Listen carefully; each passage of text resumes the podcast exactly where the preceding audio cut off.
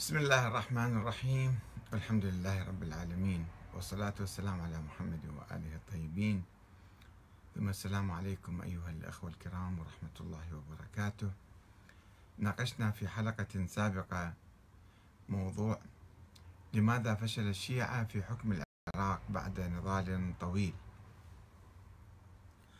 واليوم سؤالنا هو تتمة لذلك السؤال. هل هناك علاقة معقولة بين التشيع والشيعة؟ هل يتحمل التشيع فشل حكم الشيعة بين قوسين أم لا علاقة له بالموضوع؟ بعض الأخوة المعلقين آه، استغلوا هذه الفرصة وخاصة يبدو من الأخوة السلفية أو السعودية استغلوا هذه الفرصة وهذا الموضوع لنقد ومهاجمة التشيع.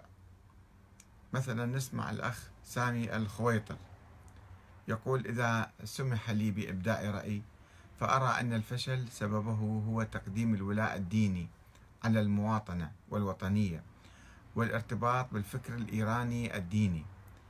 إضعاف الدولة لصالح الميليشيات فكثر الانتهازيون والفاسدون والمفسدون.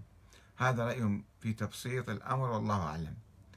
الأخ بلاد الرافدين يقول السبب في فشل الشيعة ببناء دولهم المعممون لأن المعممين لا دين لهم ويتخذون من الدين مهنة لكسب المال وأغلبهم عملاء ولائهم لإيران لأن إيران بيدها نجاح المعمم أو فشله.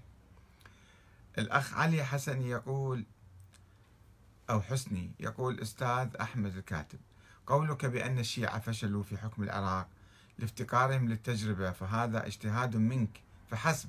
لأن الحقيقة تقول بأن الشيعة فشلوا في حكم العراق لأنهم يريدون تطبيق نظام ولاية الفقيه والدولة الإسلامية بمفهوم الشيعي فهذا غير ممكن. محمد مهدي يقول مذهب وهمي خيالي ليس فيه أو يمكن كلام لأخ آخر هذا الكلام. مذهب وهمي خيالي ليس فيه أي شيء من إسلام أهل البيت وهو مذهب ابتدعه, ابتدعه الغلاة والمفوضة والزنادقة والمتطرفون الذين مزقوا الإسلام من الداخل. فكل التراث الروائي الشيعي لا يطابق القرآن الكريم لا من قريب ولا من بعيد. والمرجعيات والملالي جهل ليس لديهم أي علم سوى خرافات وأساطير الغلاة والمفوضة والزنادقة ينادون بها ليلا ونهارا ويخدعون الناس ويسرقون أموالهم. وأيضا الأخ عباس يقول خرافة وبدع وغلو لا أساس لهما في الدين الإسلامي هو سبب الفشل. وأخوة آخرون سوف نقرأ تعليقاتهم. آه، في الحقيقة آه، الأخ محمد العربي يقول من وجهة نظري ليس للشيعة ذنب لأنهم أسلموا قيادهم للقيادات التي جاءت بلا منهج ووجهتهم باتجاهات خاطئة اليوم يلقى الذنب على الشيعة خصوصا وأن الشيعة يطيعون طاعة عمياء للمرجعيات والرموز الدينية. فلا يأتي أحدهم ويتهم الشيعة كجمهور بأنهم السبب. وأنا كمسلم أقول إن قيادتهم أوردتهم دار البوار وشوهت صورتهم بأقبح الصور على الرغم من أن الأكثرية منهم هم ناس وطنيون طيبون. نقطة ضعفهم التقليد الذي هو إلغاء العقل ومنع التفكير والتدبر أو التدبير. انتهى. الأخ علي العلي يقول كل الأحزاب الإسلامية لا تمتلك رؤية وطنية ولا برنامج وطني. همها الأول والأخير الاستحواذ على السلطة بأي طريقة. ومن هنا فإن ولاءاتها ليست وطنية. فكل تيار وحزب يمول من دولة أجنبية هذه تملأ هذه وهذه تملي عليه إرادتها. الأخ هيثم أبو عيد يقول الإسلاميون لا يستطيعون الحكم بسبب غياب الرؤية. أحمد الخفاجي يقول دائما ما أرى أطروحات أحمد الكاتب تعتبر الشيعة هي السبب فيما آل إليه العراق وتريد منهم التنازلات مثل إعطاء رئاسة الوزراء للسنة. أليس هم من حكم العراق؟ الحديث لا أكثر لأكثر من ثمانين سنة ولم نسمع أنهم قالوا فلنشارك الشيعة الحكم. أرى عقدة النقص لدى الشيعة في تبني قيادة الدولة تنعكس بشكل واضح في أطروحات الكاتب. كونه يمثل ابن الجيل الذي عاش حالة التهميش والإقصاء فجعلت منه يؤمن بهذه العقدة. آه الأخ محمد العربي مرة أخرى يقول أعتقد 36 من قائمة ال 55 التي طاردها الاحتلال الأمريكي هم من الشيعة وقادة الجيش من الشيعة. ولكن كما يقال وعين الرضا عن كل عيب كليلة وعين السخط تبدي المساوية. عدا الوزراء والمدراء وكذا عندي قائمة طويلة وأنت تعرفهم. الأخ حيدر هلال يقول أيضا كعادة المجاملين للخطاب العربي الطائفي السائد لا تريد أن تقول الحقيقة كاملة. وأعطيت يخاطبني أنا وأعطيت تبريرات للإرهاب الطائفي الواضح الذي أعلن الحرب على الدولة والمجتمع وتحت شعار إما أن تعود دكتاتوريتنا أو نحرق العراق. علما أن هؤلاء يشاركون بالحكم وحسب المحاصصة الثلاثية المفروضة. أه، محمد العربي مرة ثالثة يقول أستاذ من هم بصراحة وبالاسم وبالمناسبة لماذا لم يظهر للخطاب الطائفي إلا بعد احتلال العراق؟ وما هذه العقدة المتأصلة في ذهن كل معارض عن قوة حزب البعث وإمكانية عودته؟ هذا موضوع آخر في الحقيقة. الأخ عبد الغني الخفاجي يقول يا بعدك مكلب بالتشيع. أخرج يا أخي من هذا القمقم إلى سعة الإسلام وجوهر الإسلام وصفاء الإسلام. حسين العراقي يقول ما على كذا نقاط الإسلام من حرج. سلطان محمد يقول أستاذ أحمد الكاتب أنت حسب منشوراتك وعلمك وأبحاثك تؤيد أهل السنة والجماعة وتذم الشيعة. هل هذا صح أم خطأ؟ ويقول أيضا السياسة ليس لها دين. ليس لها دخل بالدين أصلا لأن السياسة محتاجة خدمات وأمان وهذه تتوفر في أي إنسان نزيه لتوفرها أو توفيرها من أي ديانة وملة. سنية السني تشيع الشيعي ينفع الإنسان نفسه ولا تخدم الشعب بل العكس الأحزاب الإسلامية أساءت الإسلام والمسلمين. أعتقد أبو مروى الأنصاري يقول أعتقد أن الشعب العراقي هو الفاشل وليس الحكومة لأن الحكومة هي من ولدت من رحم الشعب. ويقول آه، آه، عاصم الفكي يقول منشور خاص ببراءة الشيعة وتجميل صورتهم رغم أنهار الدماء والاغتصاب والتدمير والحرق والنهب على مستوى الدولة وتقنين الإرهاب منشور منحاز في ثوب محايد لكن أصبع واحد لا يغطي عين الشمس. على أي حال شفتوا الآراء متناقضة من هنا وهناك ولكن في الحقيقة أنا أقول شيء واحد. أقول هاي الحكومة حكومة مدنية علمانية الحكومة العراقية الحكومات اللي جاءت هذا النظام يعني الآن حسب الدستور وحسب الناس وحسب برنامج الحكم. الحكومة اللي اسمها شيعية يعني الحكام الذين افترضوا المالكي أو الجعفري أو العبادي خلفيتهم التاريخية أجداد أجداد أجدادهم كانوا شيعة. أو هم افترضوا مثلا يحبون علي بن أبي طالب أكثر من هذا شنو عندهم؟ ما عندهم برنامج عمل اسمه شيعي أو اسمه إسلامي حتى. ليست حكومات إسلامية حتى تكون شيعية أو سنية. مثل حزب البعث. حزب البعث أو صدام حسين لم يكن سنيا ولا شيعيا إنما هو بعثي. عنده برنامج وماشي عليه. ولا ولم يطبق الإسلام ولا قال أنا مثلا تابع لحركة إسلامية. آه، فإذا هناك فرق بين أن تجي حكومة وعندها برنامج اسمه إسلامي واسمه شيعي وتطبقه وتفشل فيمكن نلقي اللوم على الإسلام أو على التشيع. مثل أجيب لكم مثل واضح الحزب الشيوعي في روسيا مثلا أو في أي بلد آخر عنده برنامج حكم برنامج حكم سياسي واقتصادي لإدارة الدولة. وهذا البرنامج بعد خمسين ستين سنة من تطبيقه فشل لأنه أضر الاقتصاد وأضر المجتمع. فتفكك الاتحاد السوفيتي وانهار ذلك النظام. فنقول إذا الشيوعية فشلت أو الاشتراكية فشلت أو الرأسمالية فشلت مثلا. إذا الرأسمالية سببت ثورات واضطرابات وكذا نقول أن الرأسمالية هنا فشلت أو النظام الرأسمالي.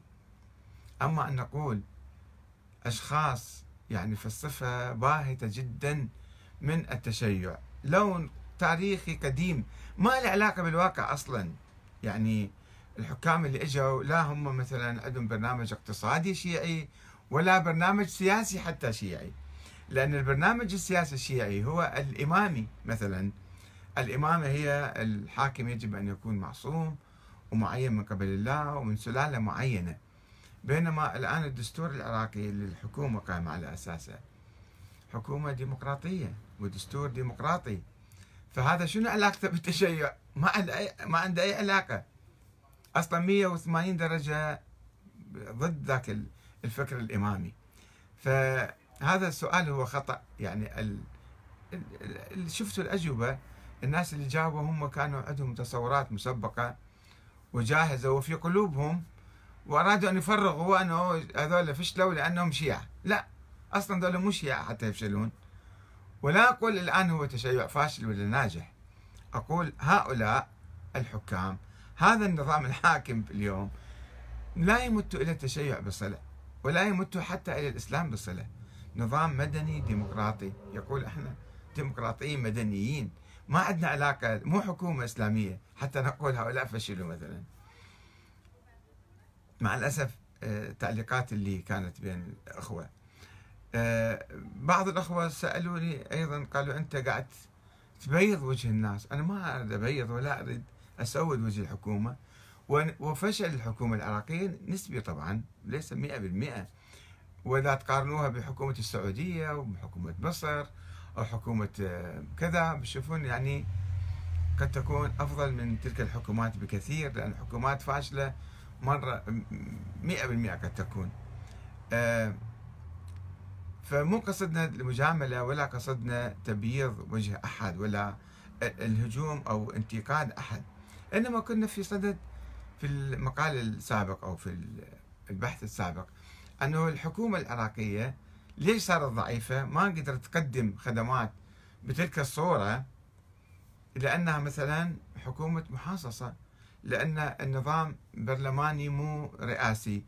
يعني إحنا كان نقدنا على الدستور نقدنا على النظام وليس نقدنا على الأشخاص أو نقدنا لمثلا هوياتهم الطائفية التي يعني لا تقدم ولا تؤخر لأنها ليست حقيقية ولا تدخل في صميم عملهم. والبعض صار يتفلسف بالحقيقة أنه لا يتبعون المرجعية والمراجع وخرافات وين الخرافات والأساطير من الحكومة. افترضوا التراث الشيعي في خرافات وفي أساطير وفي كذا وفي كذا كل شيء يخالف معاكم.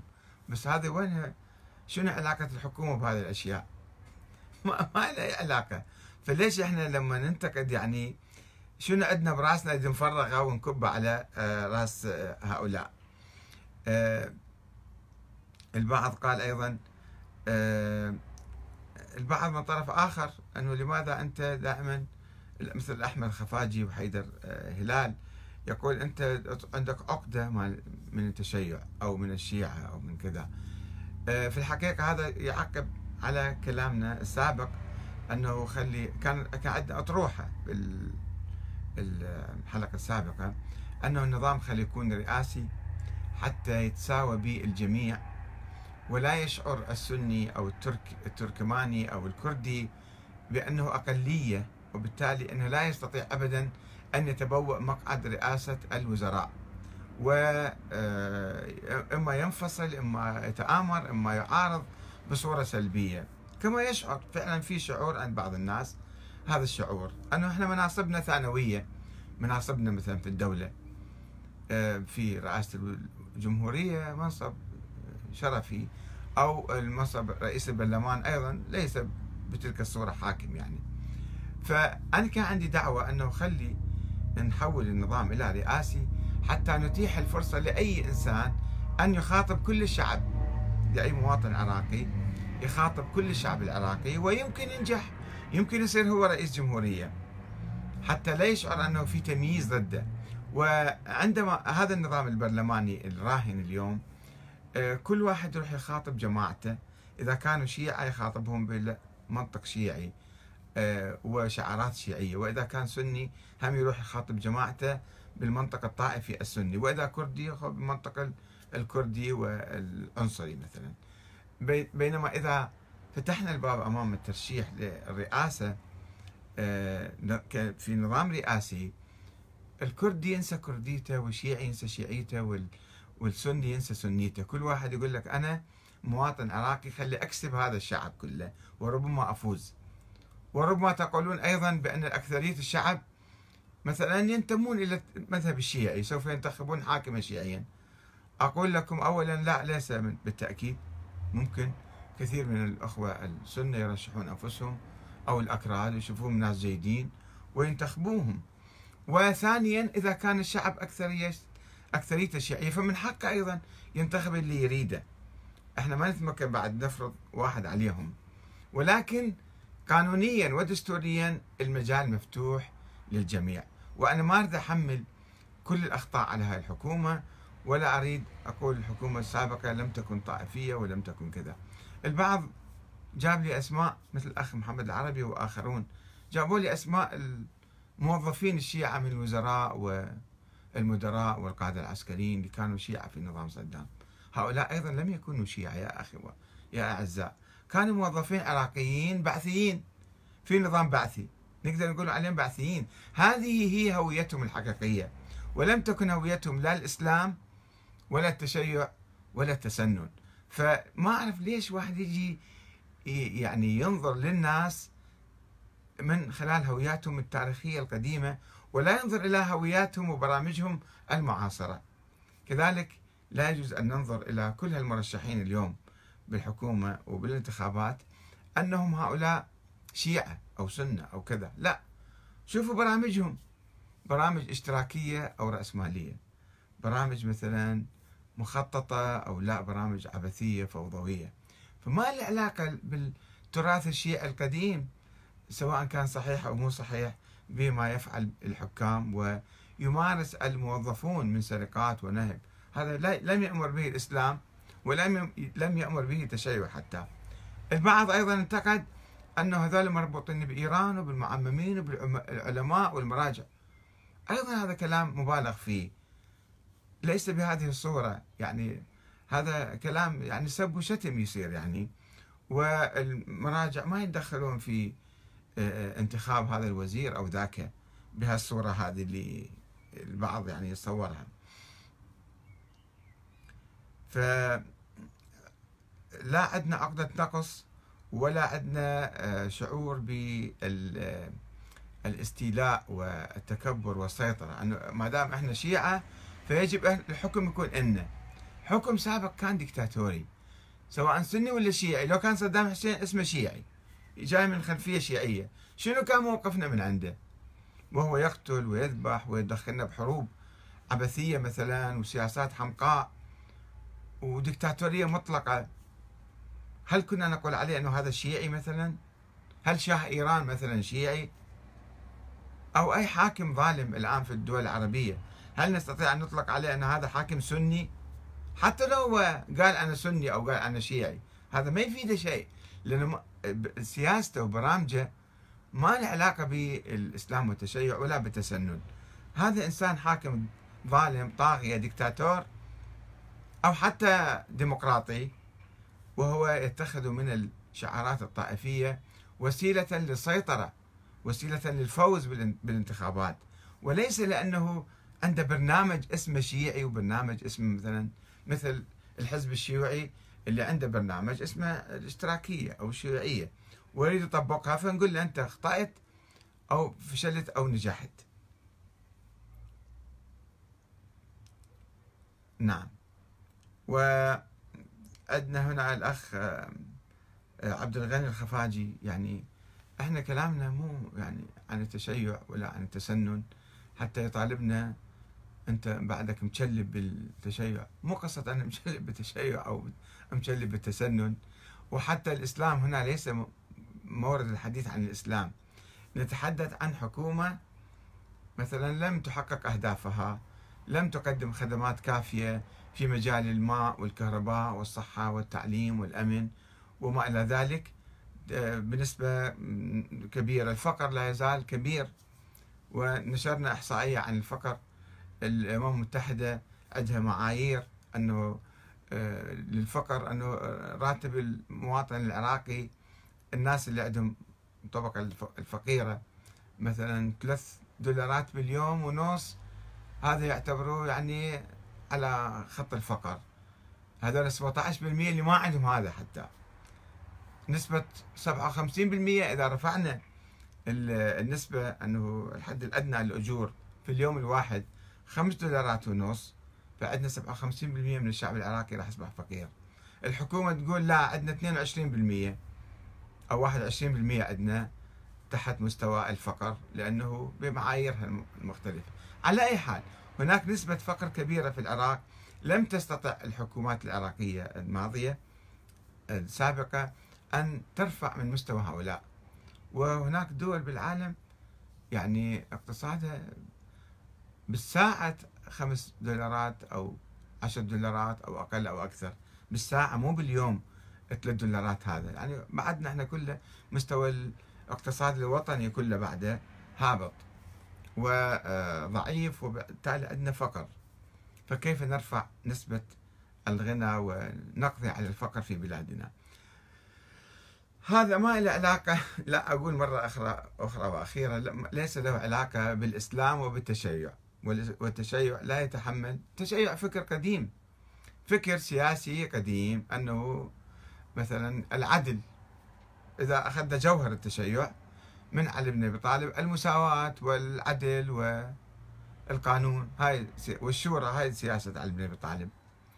ف النظام الحالي نظام ديمقراطي مدني دستوري أشخاص يدخلون هذا المعمعة وهذه المعركة بصفاتهم الشخصية ويمارسون ويطبقون أشياء أيضا بأخلاقهم. كل واحد بخلقه ما نعامل الناس كلهم كطائفة؟